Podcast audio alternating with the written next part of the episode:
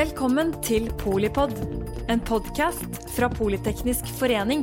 Et kunnskapsbasert medlemsnettverk for bærekraftig teknologi og samfunnsutvikling.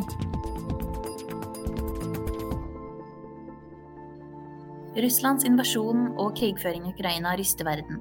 Hele Europas sikkerhet er for første gang siden andre verdenskrig truet, og Ukrainas utvikling er veldig usikker. I denne episoden hører du Sverre Disen, tidligere forsvarssjef, nå sjefsforsker ved Forsvarets forskningsinstitutt, etterfulgt av Morten Wetland, tidligere statssekretær og Norges ambassadør til Tyskland og FN, nå politisk rådgiver med oppdrag i Kiev. Temaet for episoden er Ukraina, hvorfor, hvordan og hvor hen. Ja, god dag, mine damer og herrer. Takk for uh, invitasjonen. Uh, jeg skal altså prøve å uh, si noe om ikke bare selve krigen i Ukraina, men også noe om bakgrunnen. Og også noe om hvilke utfordringer denne krigen stiller oss overfor i, Vesten, og da med Nato som skal vi si, representativ for Vestens interesser og behov i, denne sammenheng. Og jeg har kalt dette Ukraina. Eh, hvorfor, hvordan og hvor hen. Eh, og jeg tenkte jeg skulle eh, Det sies jo veldig ofte i, i forbindelse med denne krigen at den viser at Russland er uforutsigbar. Og det gjør det eh, egentlig etter mitt skjønn ikke. Det var kanskje uforutsigbart og uventet at Putin skulle gjøre det han eh, gjorde eh, akkurat nå. Men i det lange historiske perspektiv så er ikke dette overraskende. Og jeg kommer altså til å begynne med å, å si litt om, om, historien. fordi historien er jo ikke bare viktig i denne sammenheng på den måten historie alltid er viktig for å forklare samtidshendelser, men den er viktig fordi Vladimir Putin har et helt spesielt forhold til historien. og Eh, historiske, eh, det historiske bakteppet er antagelig veldig viktig for ham og er en, en viktig del av eh, motivasjonen for det han gjør, som jo ofte kan være vanskelig å forstå ut fra våre forutsetninger. Så Derfor denne innledningen om det historiske bakteppet. Og men eh, Russland er altså i den store sammenheng preget mer av kontinuitet enn av eh, uforutsigbarhet.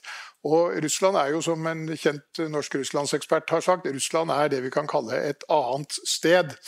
Eh, og det ønsker russerne på mange måter å, å være. Og da, da den franske revolusjonen og opplysningstiden eh, brakte opp dette slagordet som vi er vant til å, å, tenke på som en helt selvfølgelig del av vårt idé- og verdigrunnlag i dag, frihet, likhet og brorskap, så eh, vakte altså ikke det noen begeistring i Russland. Og fyrst Uvarov, som var eh, minister hos eh, tsar Nikolai 1., han lanserte et alternativt eh, slagord, nemlig autokrati, ortodoksi og nasjonalisme. Og det er altså Putin også veldig glad i å gjenta. Eh, med andre ord autokrati, altså dette at, eh, at staten skal styres av en hersker. Eh, ortodoksi, som har å gjøre med båndene til den ortodokse kirke, som, som det religiøse og, og verdimessige eh, grunnlaget. Og nasjonalisme. Eh, og som følge av at Russland har dette andre eh, eller forskjellige verdigrunnlaget. Eh, sammenlignet med Vesten så er altså ikke Russland noe postmoderne vestlig land. Eh, det er det vi kan kalle en stormakt i den bysantinske tradisjonen. Russland kommer jo på mange måter fra Konstantinopel, fra Bysants, der hvor vi i, i Vesten kommer fra Vestromerriket. Eh, sånn eh, idéhistorisk og, og, kulturelt eh, sett. Og det, det, ønsker de å gjøre. Og, en, konsekvens av denne bysantinske tradisjonen er jo at Russland er vanligvis og har alltid vært styrt av personer og ikke av lover og institusjoner. Eh, den store forskjellen som vi har kunnet observere mellom Trump og Putin, er jo at i USA er institusjonene relativt sett sterke og personene svake. I Russland er det omvendt. Det er personene som er sterke, og institusjonene er svake. Og, og herskeren står egentlig over loven. Eh, nå er det jo og så er i tillegg eh, Russland preget av dette litt spesielle geopolitiske perspektivet. Denne forestillingen om at de er omringet av fiender, de er omringet av aktører og stater og imperier som vil dem vondt. Eh, og i noen grad så kan man si at de har et slags historisk belegg for det, for de har vært invadert eh, om igjen og om igjen fra forskjellige retninger. Av mongolene fra øst, av tyrkerne i syd, de ustanselige krigene eh, med det osmanske riket, hvor ikke minst Ukraina har spilt en stor rolle, og av europeerne i vest. Av polakker, litauere, svensker, franskmenn, tyskere. Eh, og Det har altså skapt denne, denne oppfatningen av at Russland er et, et, land som er omringet av fiender og under en mer eller mindre konstant beleiring. Eh, det har også skapt en forestilling eh, hos dem om at strategi og sikkerhet er et nullsumspill. I Vesten så er vi jo vant til at hvis vi er uenige og hvis vi har uoverensstemmelser, så kan vi sette oss ned og snakke sammen, ha en dialog. Da oppstår det mer sikkerhet. Altså begge blir sikrere. Det er en vinn-vinn-situasjon. I det russiske tankesettet, og dette merker man veldig godt hvis man forholder seg til, til uh, russiske uh, militære, og hadde samtaler med den russiske forsvarssjefen, så merker man dette veldig godt. At for russerne så er sikkerhet og strategi det er et nullsumspill. Jeg er trygg i den grad du er redd meg. Eller i hvert fall har respekt for meg. Uh, og det er selvfølgelig en, en, grunnleggende annen forestilling. Og det er det som gjør at når man vurderer rasjonalitet og mulighetene for at russerne skal opptre rasjonelt, så må man huske på at russisk rasjonalitet er en annen enn vestlig rasjonalitet, nettopp ut fra denne helt forskjellige verdensanskuelsen. Eh, og alt dette munner jo da ut i at eh, russerne og Russland historisk også har et, et, veldig ambivalent forhold til Vesten. De har i perioder vært fulle av beundring for Vestens teknologiske og økonomiske suksess, prøvd å kopiere den. Samtidig så har de altså en, en veldig sterk frykt for eh, liberalisme, eh, demokrati og eh, friheter av en type som de eh, oppfatter leder til kaos og oppløsning. Eh, og på toppen av det igjen en doseforakt som man merker veldig tydelig hos Putin. Altså dette at Vesten er en sivilisasjon i forfall. Vesten er dekadent. Og kommer til å, å gå i oppløsning innenfra. Eh, og vi har f.eks. kunnet registrere at, eh, at, patriarken, altså overhodet for den russisk-ortodokse kirken, han snakker jo altså om, om pride-parader som et endetidsfenomen. Som det liksom endelige tegn på at Vesten er eh, på vei mot fortapelsen. Dette er en uttalelse av Putin som dere gjerne kan lese.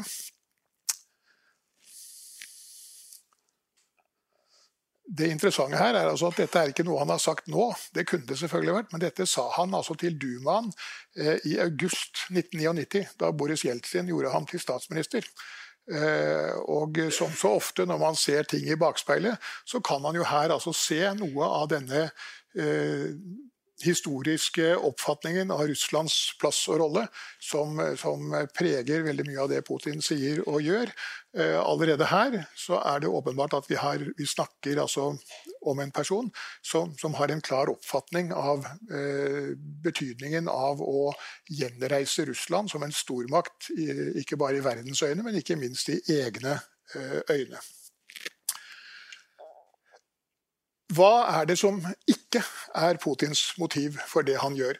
Eh, la meg understreke så sterkt jeg kan at Putin frykter altså ikke Nato som en militær trussel. Nato kommer ikke til å marsjere mot Moskva. Det tror verken Putin eller noen av dem han er omgitt av, av eh, militære og, og, andre ledere. Eh, det er såpass mye dårlig empiri som jeg bruker å si, på å marsjere mot eh, Moskva at det er det ingen som kommer til å gjøre. Det er rett og slett en av denne verdens umulige foretagender. og Det er noe feltmarskalk Montgomery, den britiske offiseren og øverstkommanderende i, i Nord-Afrika bl.a., skriver i sine memoarer så skriver han liksom en del sånne militære grunnlover som virkelig er støpt i betong, og som man ikke må altså, neglisjere. Og en av dem er 'Don't march on Moscow'. Og hvis man skulle se for seg et, et annet slags eh, angrep på, på, Russland fra Natos side, eh, missiler eller fly eller den type ting, så behøver jo ikke Nato Ukraina for å få til det. Så, så det er altså rett og slett eh, det er dette som juristene kaller å ha formodningen mot seg. At Putin skulle i realiteten være redd for dette, også hvis Ukraina ble medlem. Eh, så det kan ikke være der. Men det er selvfølgelig et narrativ som, som, slår i den russiske befolkning. Eh, gitt altså denne historien med Napoleon og Hitler og, og alt det andre eh, som har vederfaret Russland, eh, så er det klart at, at dette er en, en eh, fortelling, et narrativ, som vi sier, som kan skape resonans i, i, eh, den russiske befolkning og tjene som en forklaring på hvorfor de må bruke alle disse pengene på, på militærvesen. Det som etter mitt skjønn er det realpolitiske og det, det reelle motivet, eh, det er jo altså frykten for at Ukraina skal bli et, et vestvendt, politisk stabilt og økonomisk velstående land Nettopp fordi det vil være en utålelig demonstrasjon av utilstrekkeligheten i den russiske samfunnsmodellen. I Russlands egen bakgård. Altså det er ille nok når det skjer i Øst-Europa, i Baltikum og i Polen og i de andre østeuropeiske land. Men skulle noe lignende skje i Ukraina, så vil det være en trussel mot eh, regimet. Eh, rett og slett fordi det må forventes å føre til en, en, form for folkelig oppstand som selv ikke et imponerende undertrykkelsesapparat vil kunne holde i sjakk. Eh, og Det er altså da som Ukraina som en ideologisk smittekilde og en trussel mot regimet at dette bekymrer Putin i realiteten. Og det har jo ikke noe med Nato å gjøre, det har sånn sett mer med EU å gjøre, paradoksalt nok. Ehm, så jeg tror ikke at Putin er redd for å våkne en morgen og finne ut at det er eh, amerikanske stridsvogner på Den røde plass. Derimot er han svært bekymret for tanken på at eh, han kan våkne en morgen og det er et Maidan-opprør i gang på Den røde plass. Det vil være langt farligere eller mer sannsynlig. Men så er det også da, og da er vi tilbake til dette med historien, dette med frykten for ideologisk og kulturell smitte fra et vestvendt Ukraina, det er jo på mange måter et defensivt motiv. Det har å gjøre med å beskytte uh, Russland, egentlig. Men så er det også en offensiv dimensjon i, i, tenkningen her. Og det er det som nettopp har å gjøre med å gjenreise det russiske imperiet. Eh, altså forestillingen, Denne panslaviske forestillingen om, om Russland som alle slaviske folks leder og beskytter. Og dette å kunne gjenreise det russiske imperiet. Og Putin har jo sagt at den største geopolitiske katastrofe katastrofe eh, i forrige århundre, det var oppløsningen av sovjetsamveldet. Eh, og I det perspektivet så ser nok også Putin seg som han, han, eh, ønsker å bli husket, eller sett historisk, som en, en av de store russiske imperiebyggerne, eller nasjonsbyggerne, på linje med Ivan 4., Peter den store, Katarina og, og, andre. Og Det skumle med det motivet er jo at når man tenker i de banene, så blir selvfølgelig viljen til å akseptere både grusomheter og hensynsløshet den, den, blir mye større. fordi i det lange historiske perspektiv eh, så er selvfølgelig den kostnaden mye mindre enn den er når man vurderer dette i et samtidig realpolitisk eh, perspektiv. Eh, ingen snakker om hvor mange mennesker som døde under Peter den store i forskjellige, under forskjellige militære eh, kriger og eventyr. Eh, man husker bare at Peter den store var en stor russisk nasjonsbygger. Og det er det farlige med, med denne type eh, motivasjon, selvfølgelig.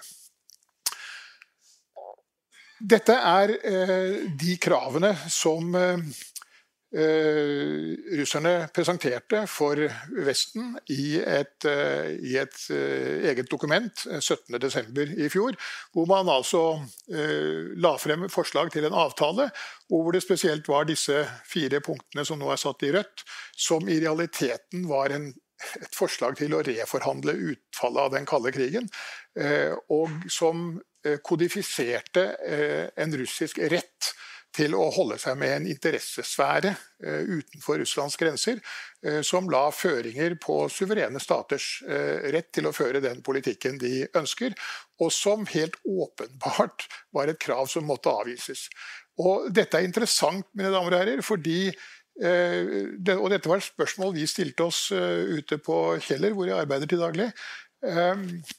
Putin vet åpenbart at dette kravet blir avvist. Og Putin er åpenbart ikke interessert i at det skal være et etterlatt inntrykk av at ingen bryr seg om hva Russland krever. Eh, så det kravet ble bare avvist. Med andre ord, det er logisk å tenke seg at han har tenkt å bruke det avslaget til noe. Eh, og den umiddelbare tanken er jo da at han har tenkt å bruke det som legitimering av et angrep på Ukraina. Eh, så skjedde jo da ikke det. Eh, ikke i desember og ikke i januar, og det gikk utover i februar. Eh, og da er det jo naturlig å tenke seg at vel, vel, nå er jo, nå er jo effekten av å bruke dette som et påskudd til å invadere Ukraina, den, det begynner å bli dårlig. Så da er det kanskje noe annet han har tenkt allikevel. Men det var det altså ikke. Men, men det var i hvert fall en, noe som, som gjorde at det var grunn til å stille spørsmål. Fordi helt åpenbart så må Putin ha tenkt at, han kan ikke bare leve med at russiske krav avvises, og så er det ikke noe mer snakk om saken. Krigen til nå. Eh, de russerne hadde åpenbart regnet med å eh, greie dette som en, en litt oppskalert versjon av overtakelsen av Krim i 2014. Eh, med et kuppartet overfall som i løpet av et par dager skulle ta kontroll over Kiev, fjerne Zelenskyj og hans regime, sette inn en, en ukrainsk Lukasjenko fra Hviterussland, altså et rent, et rent marionettregime, og eh, ta kontroll over det ukrainske forsvaret og sørge for at det ikke ble et, et problem, eller var i stand til å gjøre motstand. Og Her har de altså feilet på i hvert fall tre eh, punkter. Eh, de har eh, undervurdert den ukrainske motstanden. De har undervurdert reaksjonen i Vesten, og de har også undervurdert motstanden i den russiske befolkningen. Og Det førte altså til at spesielt den ukrainske motstanden førte jo til at dette kuppartede overfallet det mislyktes. Og alt de har gjort etter den tid, har jo båret sterkt preg av improvisasjon, dårlig planlegging, dårlige forberedelser.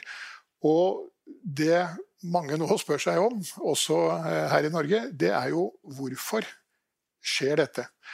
Eh, skjer det fordi Putin rett og slett ikke har gitt de militære lov til å planlegge på noe annet enn suksess på dag én?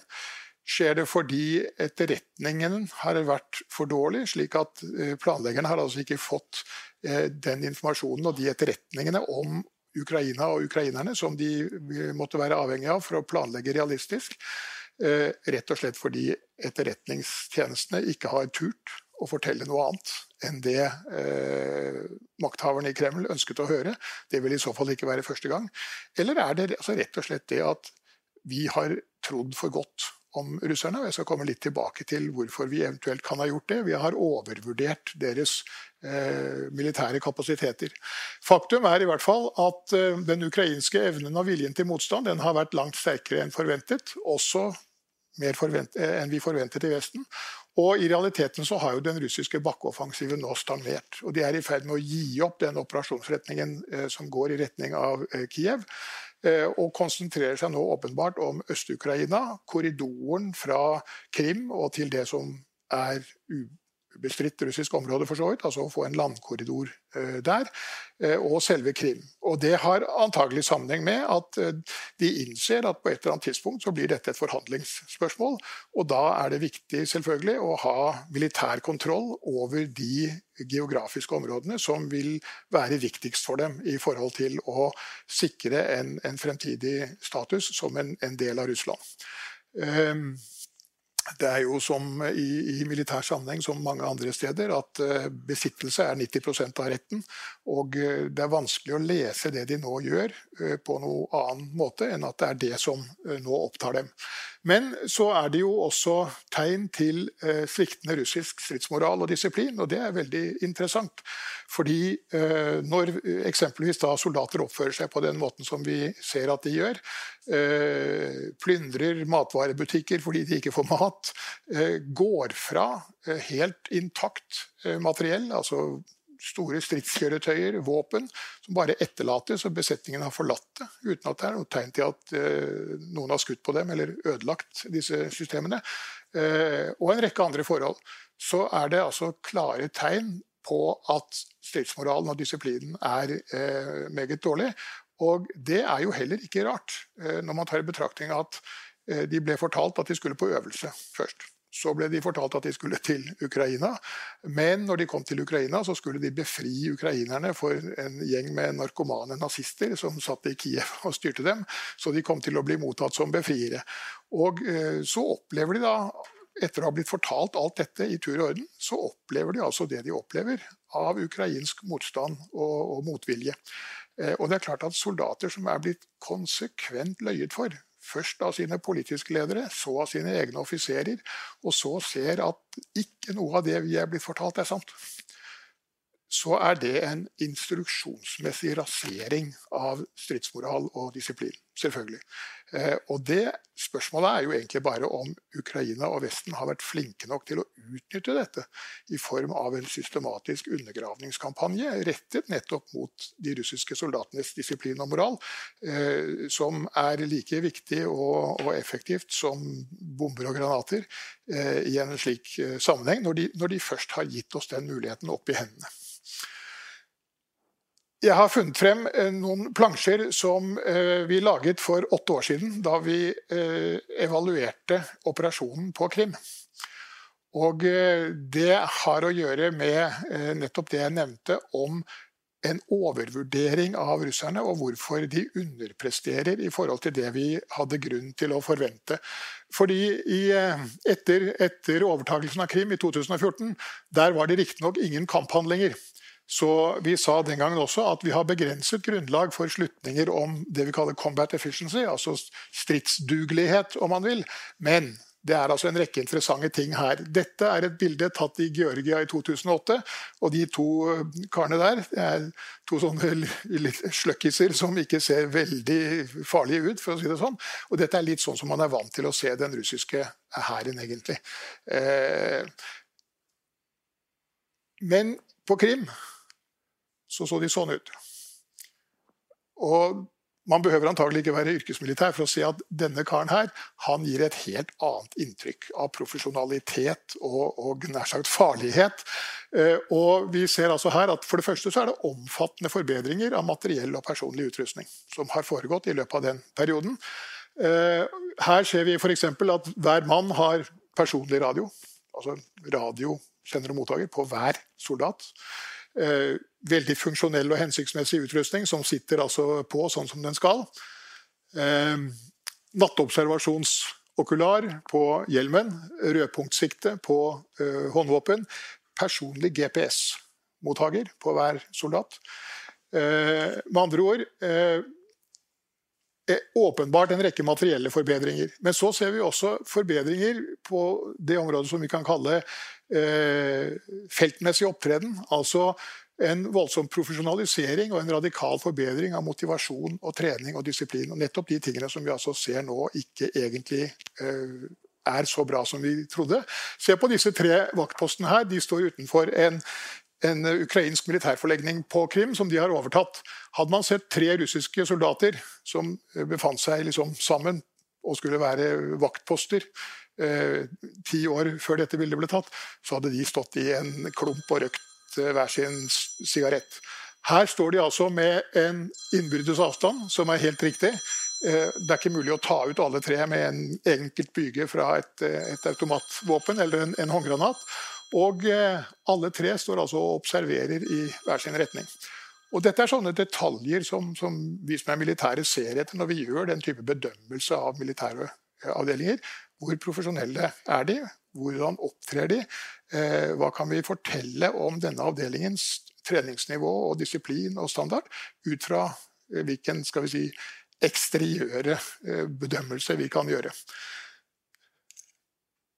Så Serdjukov, som var forsvarsminister den gangen, hans reformer sa vi, er i ferd med å skape et annet russisk forsvar, men med forbehold om at vi vet altså ikke noe om stridsdugeligheten, reformen er foreløpig avgrenset til eliteavdelinger, og vi er usikre på om russisk økonomi kan finansiere et tilsvarende program for hele det russiske forsvaret innpå en million eh, soldater.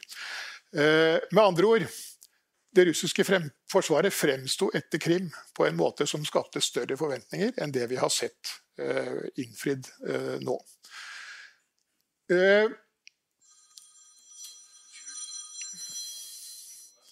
Så er det også selvfølgelig etter hvert som, som bakkeoperasjonene har stagnert, og man har mistet evnen til å ø, drive disse operasjonene fremover, så er det i større og større grad en hensynsløs bombing og beskyting av sivile mål, spesielt i byene.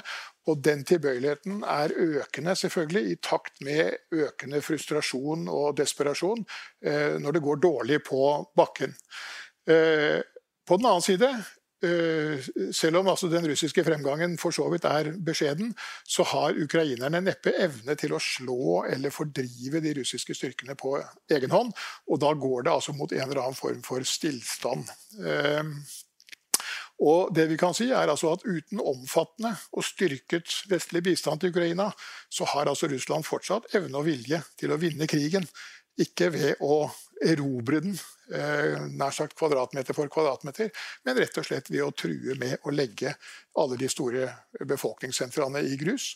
Og, og, skape om ikke annet humanitære forhold som er slik at Ukraina tvinges til å, å måtte gi seg på den måten. Og Det er jo da selvfølgelig det farlige. Hva er konsekvensene for Vesten av dette? og Det sa jeg jeg skulle komme litt inn på. I realiteten så snakker vi jo her egentlig om to uh, forskjellige kriger som er litt uavhengige av hverandre. Det er bakkekrigen, uh, og så er det bombekrigen, som jeg akkurat nevnte. Uh, men vi skal merke oss at Russland og Ukraina har jo litt asymmetriske strategiske mål her. For russerne så må de vinne militært for å vinne politisk. De må vinne militært for å få til det de ønsker politisk. Ukrainerne derimot behøver egentlig ikke vinne militært, de må bare kunne hindre russerne å vinne. Eh, og det er en interessant uh, forskjell. Uh, for det forteller oss jo at hvis vi kan holde Ukraina inne i krigen dit hen at, de, at krigen stagnerer, vel så er det i realiteten russerne som har tapt. Og ukrainerne har vunnet politisk sett. Men det at russerne altså faktisk fortsatt kan vinne denne bombekrigen, det vil i så fall gjøre at bakkekrigen er irrelevant.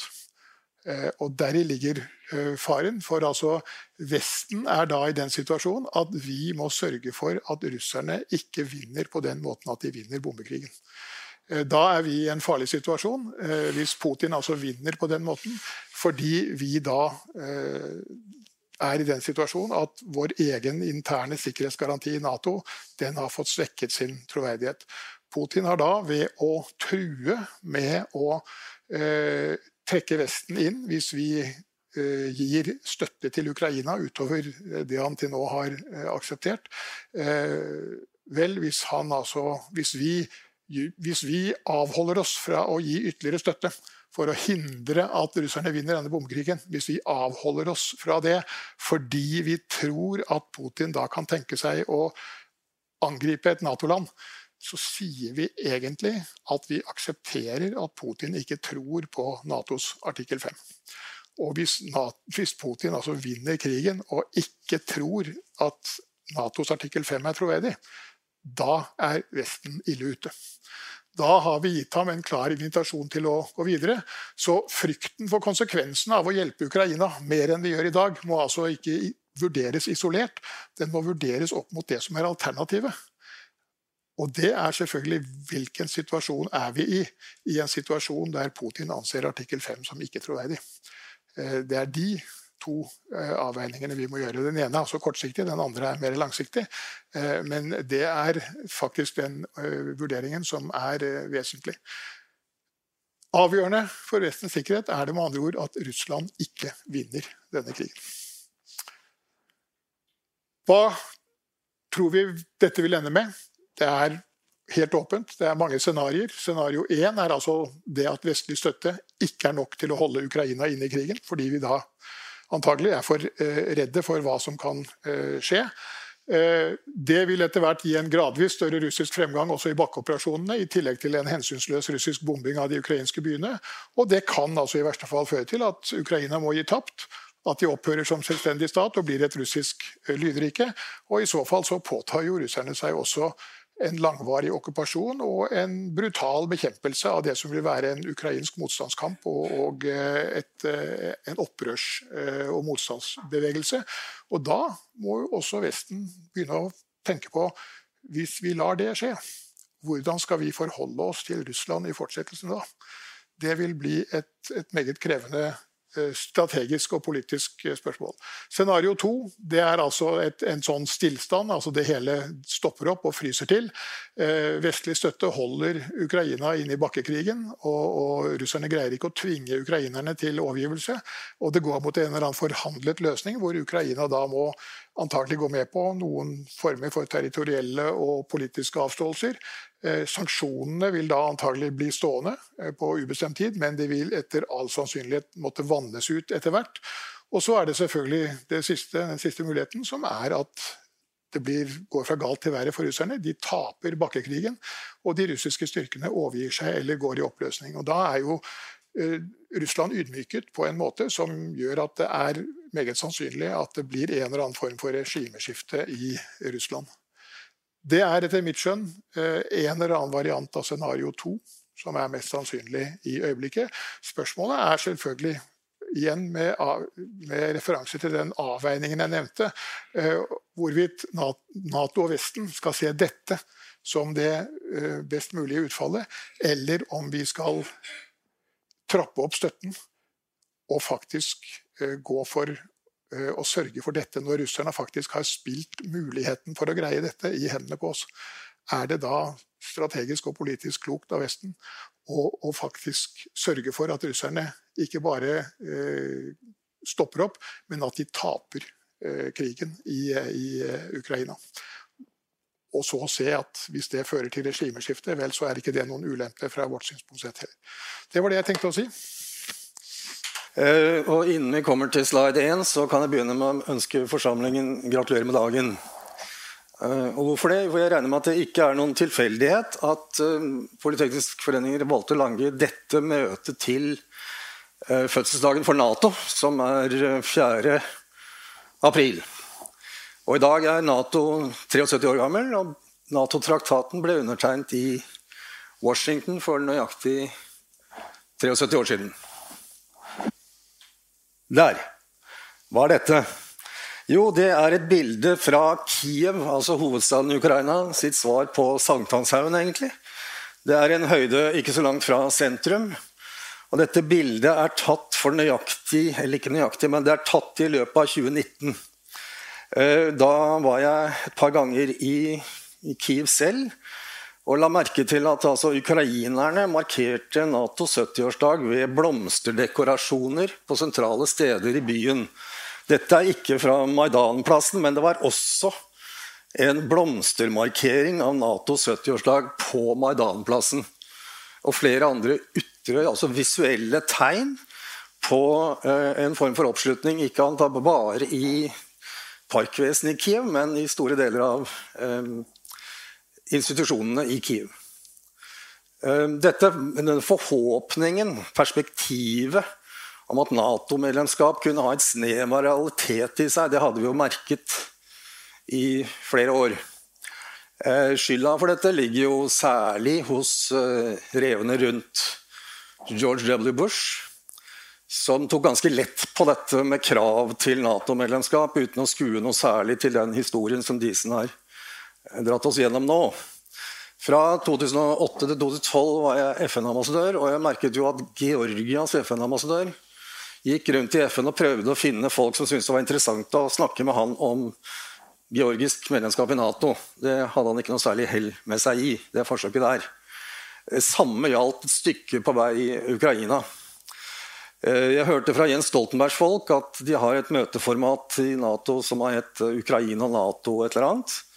Og der hadde de svare strev med å få vestlige ministre på Nato-rådsmøtet til å bli igjen lenge nok til at de kunne få tatt det bildet med Ukrainas eh, representanter. Men bottom line er altså at eh, litt for mange i Ukraina har trodd at det er realisme i, i dette, og at uh, ideer er viktigere enn historie og den eh, delen av det som gjør Russland spesielt, som, også som Disen har dratt oss gjennom uh, grundig. For det er altså ikke slik at vi, eller danskene, gikk inn i Nato med den uh, mulighet for øye at våre ungdommer skulle slåss og dø i Ukraina. Det skulle vi ikke. Og det har aldri vært, et, vært en mulighet. Ja, Hva er dette for noe? Ser ut som vannfarver, men det er altså Det som ikke er lysegrått, det er det ottomanske riket. Sånn ca. første halvdel av 1700-tallet. Eh, og de forskjellige farvene som forvirrer en del, det er de, de bør ikke lese navnene på stedene. Det er de forskjellige folkegruppene som innenfor det ottomanske riket omkransa Svartehavet. Og Hva kan vi slutte ut for det? Jo, vi kan slutte det at Russland var ikke kyststat i Svartehavet så lenge ottomanske riket eksisterte i dette formatet her. Ehm, de eh, hadde heller aldri i særlig virkningsfull grad vært der. Dette var jo særlig et område som eh, var litt uklart. da, i naturlige landegrenser, og det har stammer som ikke er organisert i stater, sånn som vi kjenner dem, osv. Og, så og, og så går og suser dette her år, år og går. Så kommer da Først er det da Peter den store på begynnelsen av 1700-tallet som som fikk det for seg at Russland skulle bli en marinemakt, og som delvis greide det med utgangspunkt i St. Petersburg. Men det hadde altså ikke kystlinje i Svartehavet. Kan jeg få neste? Så kommer Katarina den store. Den annen, Katarina den annen. Og ikke minst hennes uh, elsker og uh, rådgiver uh, Potemkin. Og så legger de ut til å underlegge seg den delen av dette landområdet som grenser til Svartehavet. Og greier det. De tar eh, Krim. Potemkin tar Krim. 1770 et eller annet. Og grunnlegger Sevastopol, som siden 1773, tror jeg, har vært uh, marinebasen til russerne i Svartehavet, som de altså ikke hadde hatt før. Men nå blir Russland en marinemakt i Svartehavet. Og det dere ser der, Jeg vet ikke om dere leser det bak dem, det står altså New Russia på dette kartet. Det er da det landområdet som eh, russerne under Katarina 2. underlegger seg, og som ligner fælt mye på det meste av eh, det sørlige Ukraina i dag. Da dette ble inntatt, de grunnla Odessa, også på 1770-tallet det òg så var ideen at dette skulle kalles opp etter Katarina. Siden det var hun som hadde ekspandert Russland til å omfatte også Svartehavskysten. Det syntes ikke Katarina var noen knallidé. Så hun bestemte, iallfall sånn står det i historiebøkene, de tillegger gjerne beslutninger eh, sjefen, ikke rådgiverne, men det kan være at det stemmer, og kaller det uh, Novorossiya, altså New, New Russia, som står her. Tydelig inspirert av det allerede eksisterende New England, som var navnet på den stormaktens uh, altså etableringer i Amerika. Vi hadde Nobel France, som franskmennene hadde fra Quebec-området gjennom Midtvesten og ned til Louisiana. Og vi hadde Ny Spania, som på den tiden var California, Mexico og Mellom-Amerika. Så dette var da uh, nye Russland. Og hvorfor trakk jeg fram det? Jo, fordi jeg har trodd, men nå har på en måte Disen styrket meg det, at Putin kan sin historie og denne delen av det bedre enn mange. Og i hvert fall bedre enn mange i Vesten.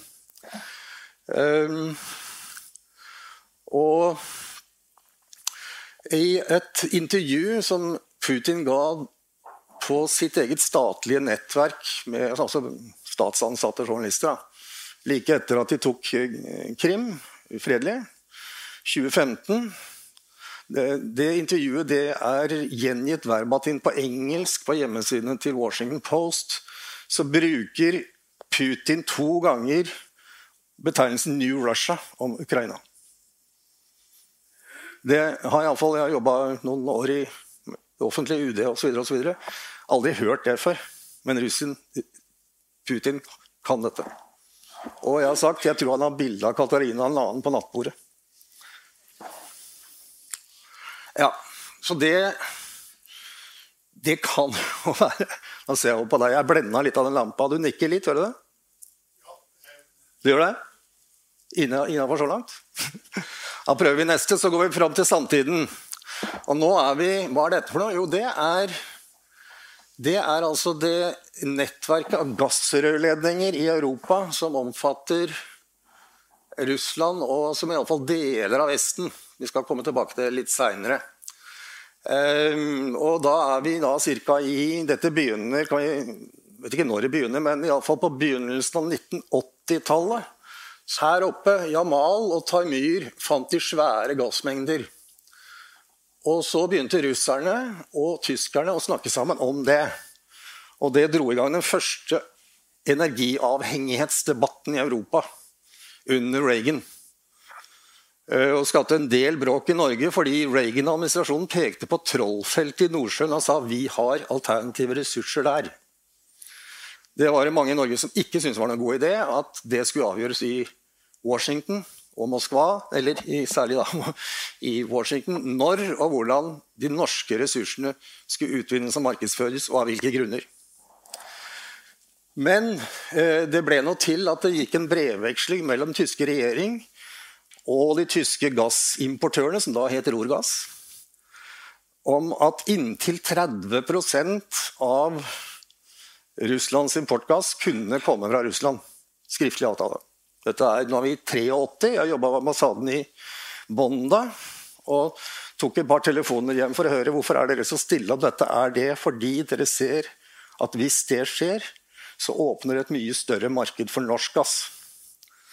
Ja, det er sånn, men vi liker ikke å si det, sa de i Olje- og energidepartementet. For uten den russiske gassen så hadde ikke tyskerne turt å satse på den infrastrukturen som gjør at vi har et mye, mye større marked for norsk gass i Tyskland og Sentral-Europa. Men så, så var det det at skulle denne gassen fraktes til Europa, så ser det ut som det er lurt å dra det gjennom Øst-Tyskland, men det ville ikke vesttyskerne. Gamle Øst-Tyskland, for dere husker vel det det er. Eh, det, det ville de ikke ha. Ta den risken at de der skulle ha den kontrollen over den infrastrukturen. Eh, og heller ikke Polen. Russerne stolte ikke på Polen, tyskerne stolte ikke på østtyskerne, og russerne stolte ikke på Polen. Det de stolte på, var tsjekkerne. Men tsjekkerne hadde aldri lagt bråk. Så den gassen til Europa skulle gå gjennom Tsjekkoslovakia. Og veien til Tsjekkoslovakia går gjennom Ukraina. Derfor er Ukraina en hovedpulsåre for gass til Europa. Kan vi ta neste? Ja, dette er en litt enklere oversikt over noe av det samme bildet. Men det er altså importstrømmer for gass. Jeg snakker ikke noe særlig om olje, for det er noe av samme logikken i det, men det er synligere med gass til eh, Vest-Europa. Og vi ser her Tsjekkoslovakia går det meste, og det er fordi tsjekkerne er et fredelig folk. De vil ikke lage noe rot. Derfor så fikk de den gassrørledningen fra Ukraina. Kapasiteten inn gjennom Ukraina og inn til Europa på full guffe er 140 milliarder kubikkmeter i året. Norsk total gasseksport gjennom rør er når det går på fullt, ca. i strøket 110 milliarder kubikk. Så det er mye som kapasitet gjennom Ukraina. Så det er ikke bare bare å bare ha det. Etter hvert så kom denne remsa her gjennom Hviterussland og Polen. Kapasiteten der er 30 milliarder kubikk. Det er vesentlig mindre enn 140. Og så, for noen år siden, så fant russerne ut at de skulle eliminere risikoen ved å la gassen gå gjennom Ukraina gjennom å legge Nord Stream 2 gjennom Østersjøen og inn i Tyskland ved Greifswald. Ja, en grunn til det var at investorene i Nord Stream 2 tok selv inntekten fra gasstransporten, og ikke ukrainerne. Som hadde vært en av de viktigste inntektskildene, og er det fortsatt, for Ukraina. Transport og handel med gass. Kapasiteten i Nord Stream 1 er 55 milliarder kubikk. Og så planla de det én til, og mange har hørt om Nord Stream 2. Kapasiteten der er også 55 milliarder kubikk. Nå har vi fort regnet oss fram til at det er ikke noe behov for rørledning gjennom Ukraina. Fordi Nord Stream 1, Nord Stream 2 pluss Hviterussland er lik omtrent så mye gass som Russland eksporterer til Vesten per år. Det betyr kvelertak på ukrainsk økonomi hvis vi gjør dette. Og Derfor så fikk vi den kampen vi har hatt de siste par årene, om vi skal eller ikke skal godkjenne og gi sånn Veritas-sertifikat til Nord Stream 2. Parallelt med dette her så har vi ikke Nato-kamp, men en EU-kamp som langt til vei blir utkjempet på energiens område. Egentlig begynte det hele i 91, da Øst-Europa og Sovjetunionen ramla fra hverandre, ved at vi fikk et europeisk energicharter, som var en sånn multilateral avtale som ja, Det var en investeringsbeskyttelsesavtale, nærmest, hvor øst og vest i, alle undertegnede ble parter i den europeiske energicharteret. Det ble utviklet videre. Og den ukrainske ambisjonen det var at de skulle bli en del av Europa, EU, for så vidt gjaldt rettslige rammer for energivirksomhet. Og da har du EU, jf. det Diesen sa, redselet er moderne kan vi kalle det vestlig økonomi, med de mulighetene du har, mellom deg sjøl og Svartehavet, på et område som du er vant til ikke har en sånn irritasjonseffekt som Vest-Tyskland hadde på Øst-Tyskland og den svarene. Um, og så begynner krangelen på grunnlag av at det plutselig er rettsregler som gjelder, og ikke tsarens dekreter. Noen som husker Julia Tsjimotsjenka, hun med den hårbåndet, var statsminister i 2009. Var ikke helt moden ennå, så hun påla de som drev med gass i Ukraina, å inngå noen avtaler. Og så er det mulig at det var en del korrupsjon med i bildet der. Eh, I alle fall så hadde disse avtalene en klausul om at tvister Det var mellom Gazprom i Moskva og Naftogass, som er navnet på det ukrainske gasselskapet. De hadde en tvisteløsningsklausul om at dette skulle avgjøres ved voldgift i Stockholm. Det var noe nytt som kom innført ansporet av James Baker tidlig på 90-tallet. At kommersielle tvister med Russland skulle løses ved voldgift i Stockholm. Det står i kontraktene. Så da fikk man en jævla krangel, hvor avstanden mellom partene var 125 milliarder amerikanske dollar. Bare verdens største kommersielle voldgift gjennom tidene. Og Det å føre den saken for Ukraina det ble lagt ut på europeisk anbud. og så Tilslaget gikk til norske Vikborg og Rein regattaer. Ja. Dette var i 2017, så ringer telefonen min, og så er det Vikborg Rein spør vi skal føre denne saken. For da hadde det ballet på seg siden kontrakten fra 2009 ble misligholdt. og bla bla. Eh, men vi kan ikke ta Global Communications. Kan du ta det? Eh, og det kunne vi. Så vi lagde et lite team og startet en kampanje som hadde som målsetting at det skulle ende med å trigge tyskernes dårlige samvittighet for det de anrettet i Ukraina under andre verdenskrig. Eh, så vant Ukraina den tvisten. Eh, og nyttårsaften, eller 2019, så tikka det inn 30 millioner, milliarder dollar på kontoen til Nafto. Russerne tapte og betalte. Men det gikk ikke Kreml noe særlig appetitt på å ha EU-regler så nære sine grenser. Og så har vi eh, Hva nå, ikke sant? Skal vi slutte med det der? her? En av grunnene til at jeg aldri trodde det ville bli noe invasjon, var at jeg skjønte ikke hvordan det skulle regne hjem bortfall av den inntektsflommen som de har gjennom gass- eh, og oljeeksporten, russerne. Men den tok de, altså. Eh, og da står du der at du kanskje må finne et alternativ til 160 eh, milliarder kubikk gass i året inn fra Russland. Og hva gjør du da, når du har bestemt å stenge kullkraftverk og atomkraftverk. Det betyr at du må kjøre gass som grunnlast, ikke bare når det er topp etterspørsel. Det regnestykket går egentlig ikke opp. altså. Så Der står vi nå. Nå er det da eh, diskusjoner i Tyskland i hvilken rekkefølge skal vi ta ut brukerne av gass hvis dette eh, bortfaller. Uh, det Der stopper det egentlig. Men det, det viser liksom at russerne har fått et grafisk eksempel på hvor truet de er hvis det europeiske EU-system kommer inn i deres innflytelsesvære. Jeg sier innflytelsesvære uten å bli rød i ansiktet, fordi jeg mener at det fins. Og at alt snakk om at det ikke fins, er løgn, altså. Jeg tror jeg kan stoppe der. Ja. Takk for at du lyttet til Polipod fra Politeknisk forening. Få med deg flere episoder, eller bli med på nettverksmøtene som du finner på at polyteknisk.